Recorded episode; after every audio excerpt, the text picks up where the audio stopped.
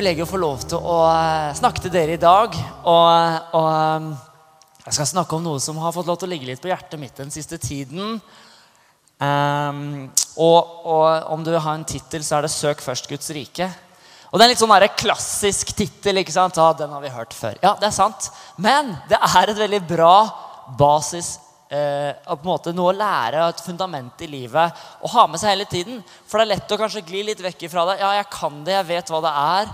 Men komme tilbake til det. Basic, første kjærligheten. Hva er det å søke først Guds rike? Så da kan vi gå til Matteus, kapittel 6. For de som ikke kjenner meg, så er jeg ungdomsleder her i menigheten. Eh, vært det nå i eh, fire og et halvt år. Veldig glad for det.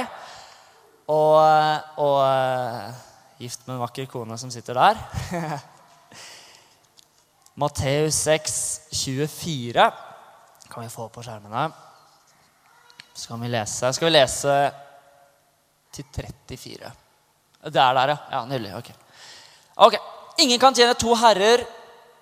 For enten vil han hate den ene og elske den andre, eller han vil holde seg til den ene og forakte den andre. Dere kan ikke tjene både Gud og mammon, altså penger. Derfor sier jeg dere, vær ikke bekymret for livet, hva dere skal ete og hva dere skal drikke. Heller ikke for legemet, hva dere skal kle dere med.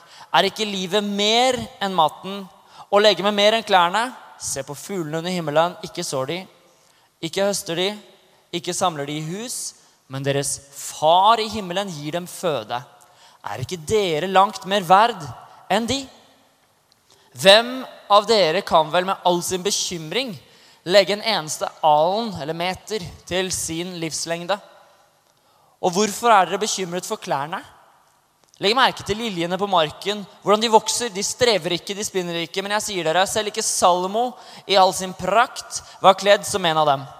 Men kler Gud slik gresset på marken, det som står i dag og i morgen kastes i ovnen, skal han da ikke mye mer kle dere, dere lite troende? Wow. Vær derfor ikke bekymret og si 'Hva skal vi ete', eller 'Hva skal vi drikke', eller 'Hva skal vi kle oss med'? For alt slikt søker hedningene etter. Men deres himmelske Far vet at dere trenger alt dette. Søk da først Guds rike og hans rettferdighet, så skal dere få alt dette i tillegg. Vær da ikke bekymret for morgendagen, for morgendagen skal bekymre seg for seg selv. Hver dag har nok med sin egen plage.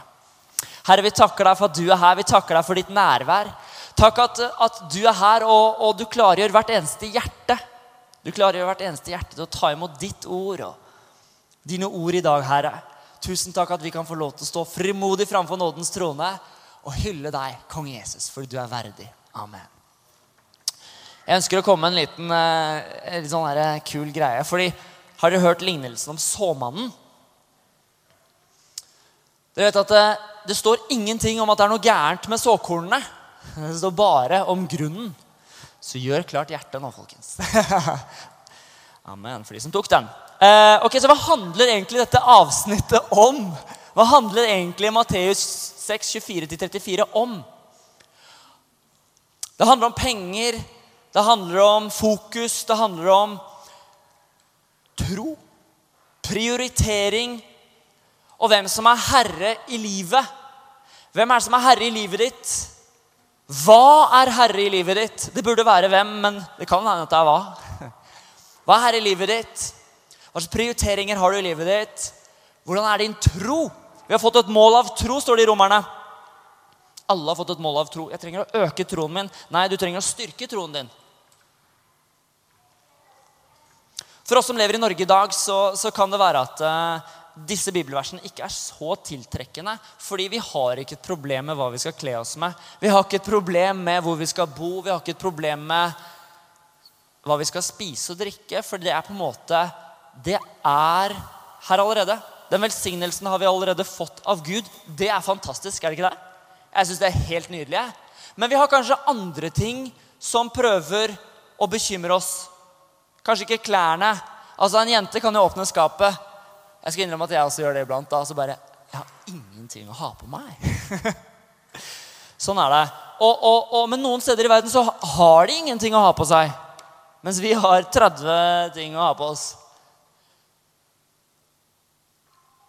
Så du kan få lov til å selv bruke fantasien din og omstendighetene dine og livet ditt og bytte ut disse tingene som Jesus bruker som eksempler. Og så kan du si utdannelse, bil, lappen, kjæreste, ekteskap, bolig, misjon. Hvordan kan jeg misjonere? Ah, jeg ble bekymret over det. Trening, jobb, hobbyer. Bytte ut hverdagslige på en måte bekymringer istedenfor å sette inn altså, Jesus snakker jo om klær, han snakker om generelle ting. Men hvordan kan du gjøre det personlig og tenke Hvordan kan jeg få lov til å søke Guds rike først, før disse tingene her skal ta plass i meg? Fordi disse hverdagslige tingene kan virkelig gjøre oss bekymret. Hvordan skal jeg få nok penger til å betale den regningen der? Jeg må velge mellom regningen og tienden. Oi, jeg er ute på en uh, kaffe med en uh, venninne eller en kompis. Jeg har ikke penger til å spandere. Jeg har ikke penger selv engang. Jeg håper han eller hun spanderer. Altså, Det er ofte sånne man går og tenker og bekymrer seg. Men hva er det Jesus sier? Bekymre deg ikke for disse tingene. Bekymre deg ikke, for slikt søker hedningene. Er vi hedninger? Ja, men vi er herlig frelst i Jesus allikevel. Det er veldig bra. Så vi har et jag og mas etter mye greier i livet. Og de greiene i livet er ikke feil. Men fokuset og prioriteringen kan være feil. Søk først Guds rike. Det er et prinsipp jeg har fått lov til å lære gjennom hele livet av mine foreldre.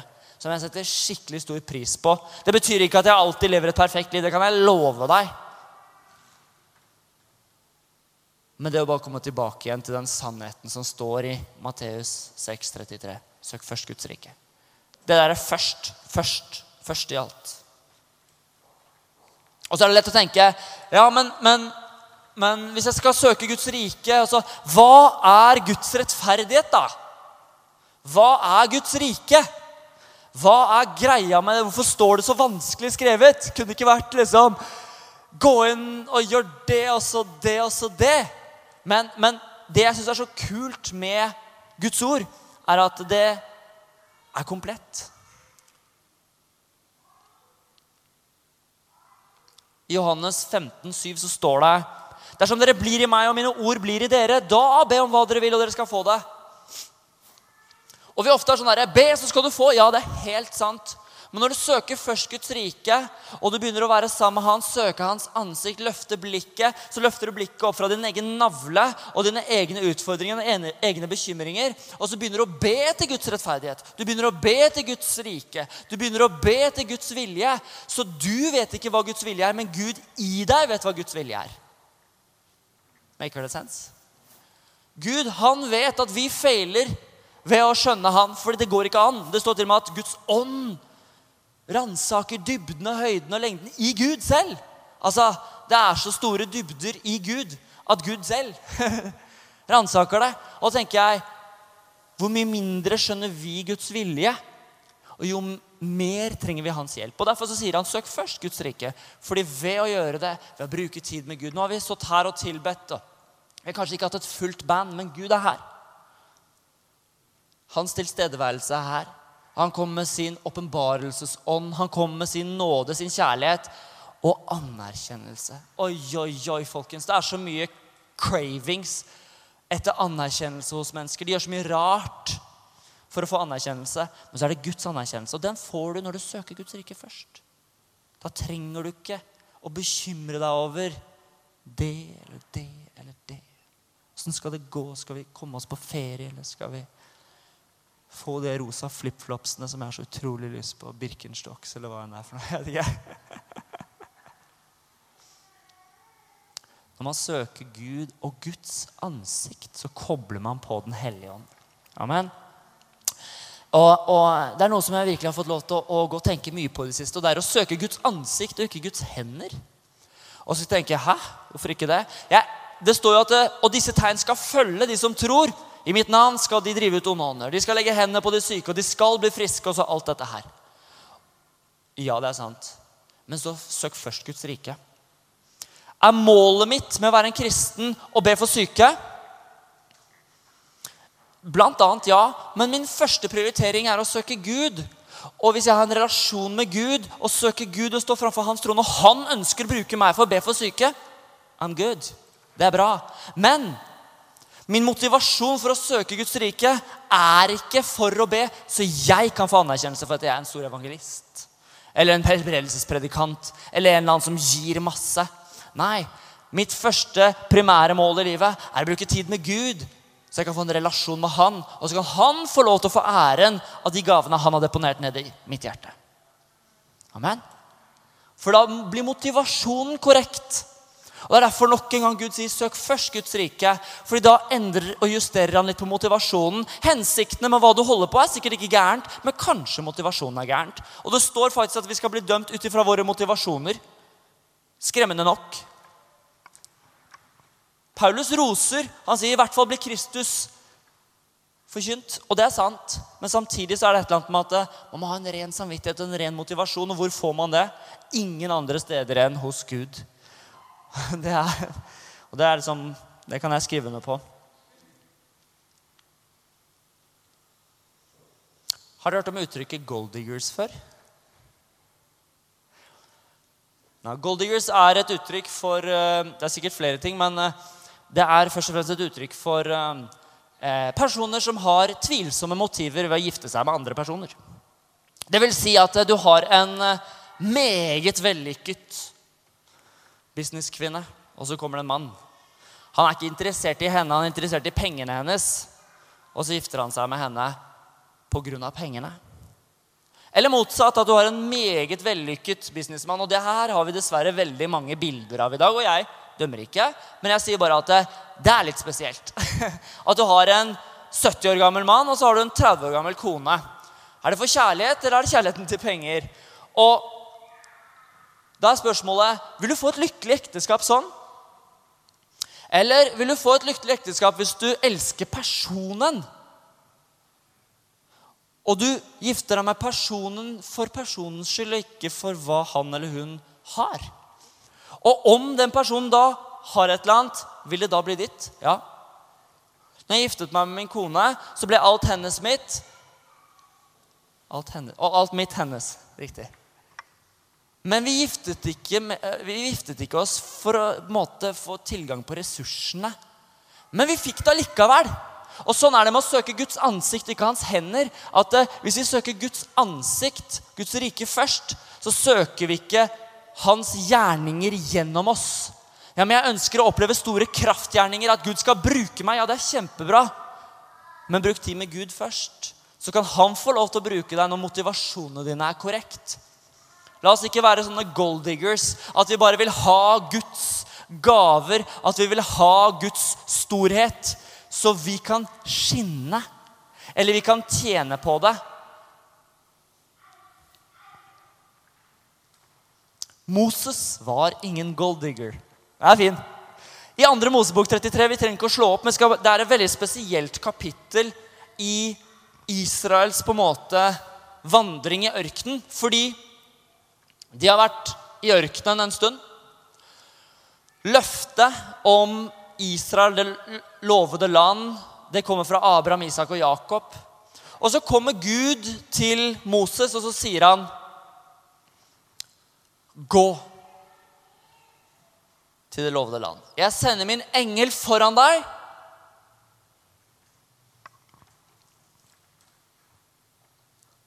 Og driver ut alle fiendene alle ittene.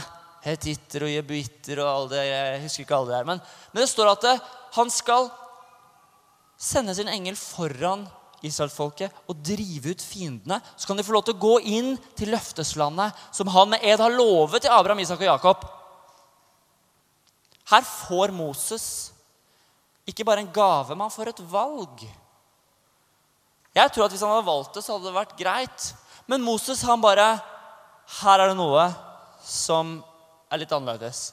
Fordi Gud vil sende sin engel foran, ikke seg selv.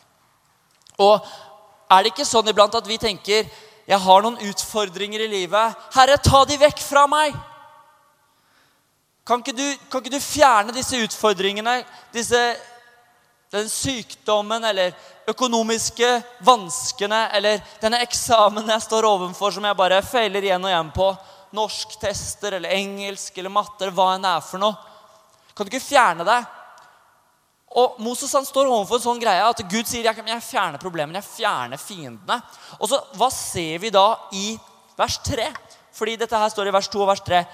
Og så sier Gud, 'Men jeg vil ikke selv dra opp med dere.' Og da sier Moses, 'Hvis ikke du drar, så drar ikke vi.' Fordi Moses har skjønt én ting, og det er at eh, når han står ansikt til ansikt med Gud, det er der hans kilde er. Det er der han får sin kraft. Det er der han får lov til å leve sitt liv fra. Mens han kunne opplevd å få det han drømte om, det løfteslandet. Man valgte å si nei hvis ikke du blir med oss. Og jeg tror det er det egentlig Gud traktet etter ved å teste Moses litt. Med å si her får du alt. Det er litt sånn som når Gud også gir løftet til Salomo. Be om hva du vil. Hva sier Salomo? Visdom. Og så sier Gud, fordi du ba om visdom, ikke gull og sølv og nederlag for dine fiender, skal du få det i tillegg. Og hva er det da det står i Matteus 6,33? Alt dette i tillegg. Søke først Guds rike. Søke hans ansikt, ikke hans hender, ikke hans gjerninger. Ikke for å skinne, ikke for å gå fram, men bare for å være sammen med han som en person. Han elsker deg og meg så høyt ønsker å være sammen med oss. Og når vi har en motivasjon, en ren samvittighet for å være sammen med han Jeg lover deg, du kommer til å bli så velsigna. Kanskje ikke på den måten du tenker selv, men han kommer til å gjøre det på den best mulig tenkelige måte for deg. Amen. Det her er bra, folkens. Det er lov å si amen. Jeg liker det her, jeg. Blir oppbygget. Guds ansikt, ikke Guds hender. Jeg har ikke noe mot Guds hender, men det er ansiktet som er fokuset. Vi kommer framfor hans trone for å ære Han ikke gjerningene hans.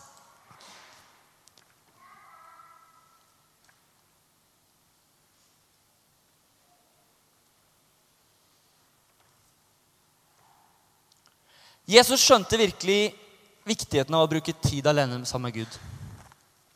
Vi ser gjentatte ganger at Jesus drar seg til side for å bruke tid alene sammen med Gud. Han tar med seg disiplene noen ganger, og noen ganger går han helt alene.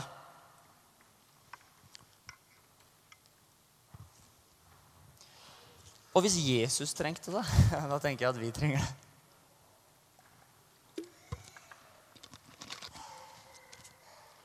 Og Et av de beste eksemplene på dette var i Getsemane. Og vi skal faktisk lese litt ut ifra det i Matteus 26. Du kan gjøre den klar. Jesus han er sammen med de elleve. Han har hatt liksom det siste nattverden, eller innstiftet av nattverden, siste måltidet. Og han kommer inn til Getsemane.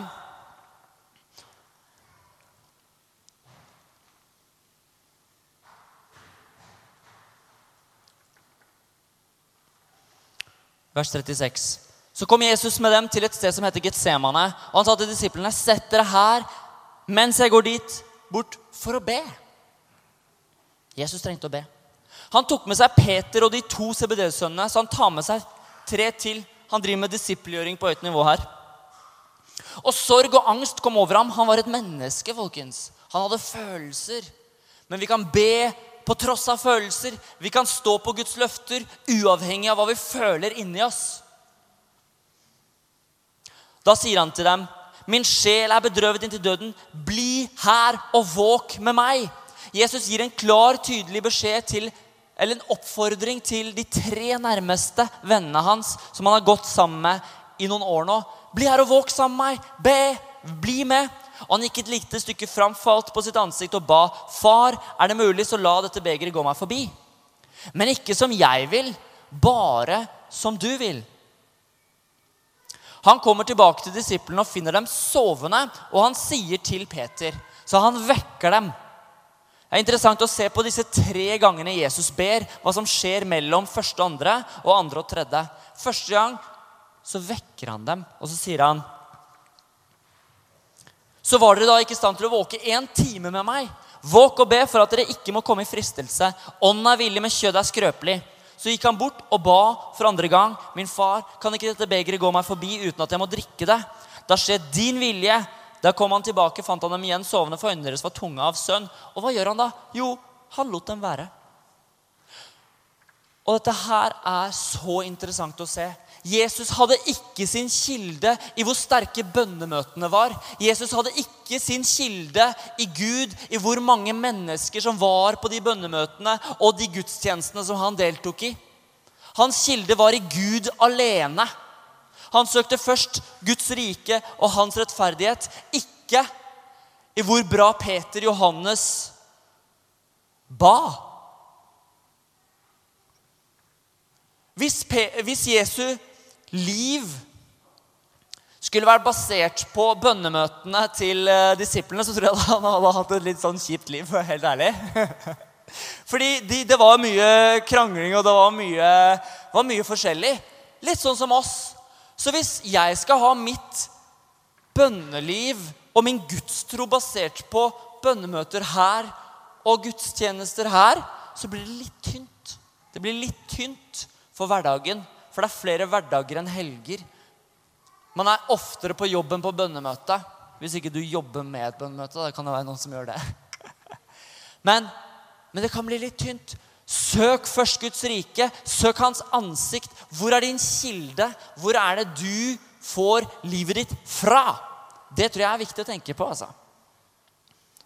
Til og med Jesus han lot dem være, og så gikk han bort enda en gang. Og det var når han mest trengte dem.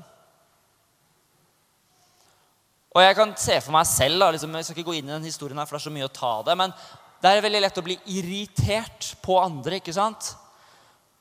Nok en gang Kanskje Jesus kjente litt på Er det mulig? Disse latsabbene. Her skal jeg dø og greier å liksom redde humanity, og så greier ikke de be en time sammen med meg. Men hva gjør han for noe? Jo, han ydmyker seg, og så bøyer han seg ned for Gud en gang til. Han søker Gud. Han får sin kilde. Han vender seg til Guds ansikt. Hva er din kilde? Hvor er din kilde? Matteus 6, 19. Samle dere ikke skatter på jorden hvor møll og rust hærer, og hvor tyver bryter inn og stjeler, men samle dere skatter i himmelen. Det er verken møll eller rust hærer, og tyver ikke bryter inn og stjeler. For hvor din skatt er, der vil også ditt hjerte være. Og i Matteus 12,34 så står det det ditt hjerte er fullt av, tall i munnen. Oi, oi, oi. Og Da kommer vi tilbake til liksom de tre punktene. Hva handler det skriftstedet om? Jo, det handler om tro.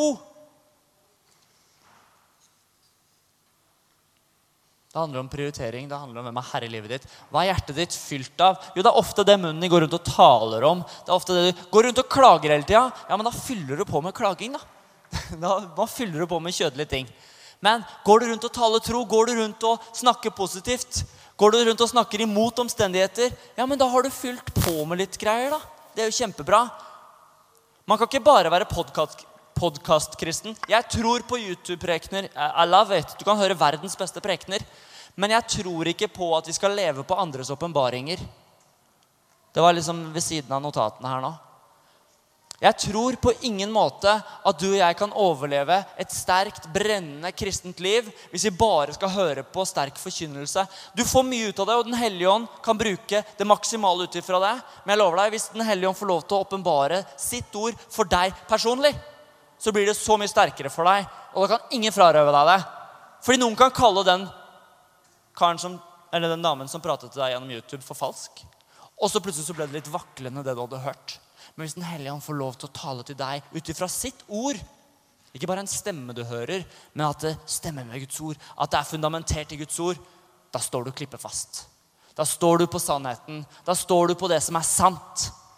Og så tror jeg på undervisning gjennom YouTube. Jeg gjør det, altså. Men sjekk referansene. Jeg er så fascinert over Gud fordi han har ikke noe imot materialistiske ting. Materialisme har et negativt ladet ord. Jeg tror ikke han har noe imot ting. Han har ikke noe imot at du vil ha den båten, han har ikke noe imot at du har den hytta, eller huset eller bilen. Hva han er. Det han har noe imot, er hvis bilen, hytta, huset har deg. Det er forskjellen. Hva er fokuset ditt? Det er ikke disse tingene og så Guds rike. Nei, det er Guds rike og så disse tingene. Og Gud, han gir det gledelig. Han gir visdom. Han gir når vi søker han. Men det handler om å Hva er vår kilde? Hva er vår kilde? La oss ikke være golddigger-kristne og tenke liksom Jeg er sammen med Gud fordi jeg skal få ting. Nei, du har allerede fått alt. Det er nåde. Det er helt fantastisk. Vi har fått alt av Gud allerede.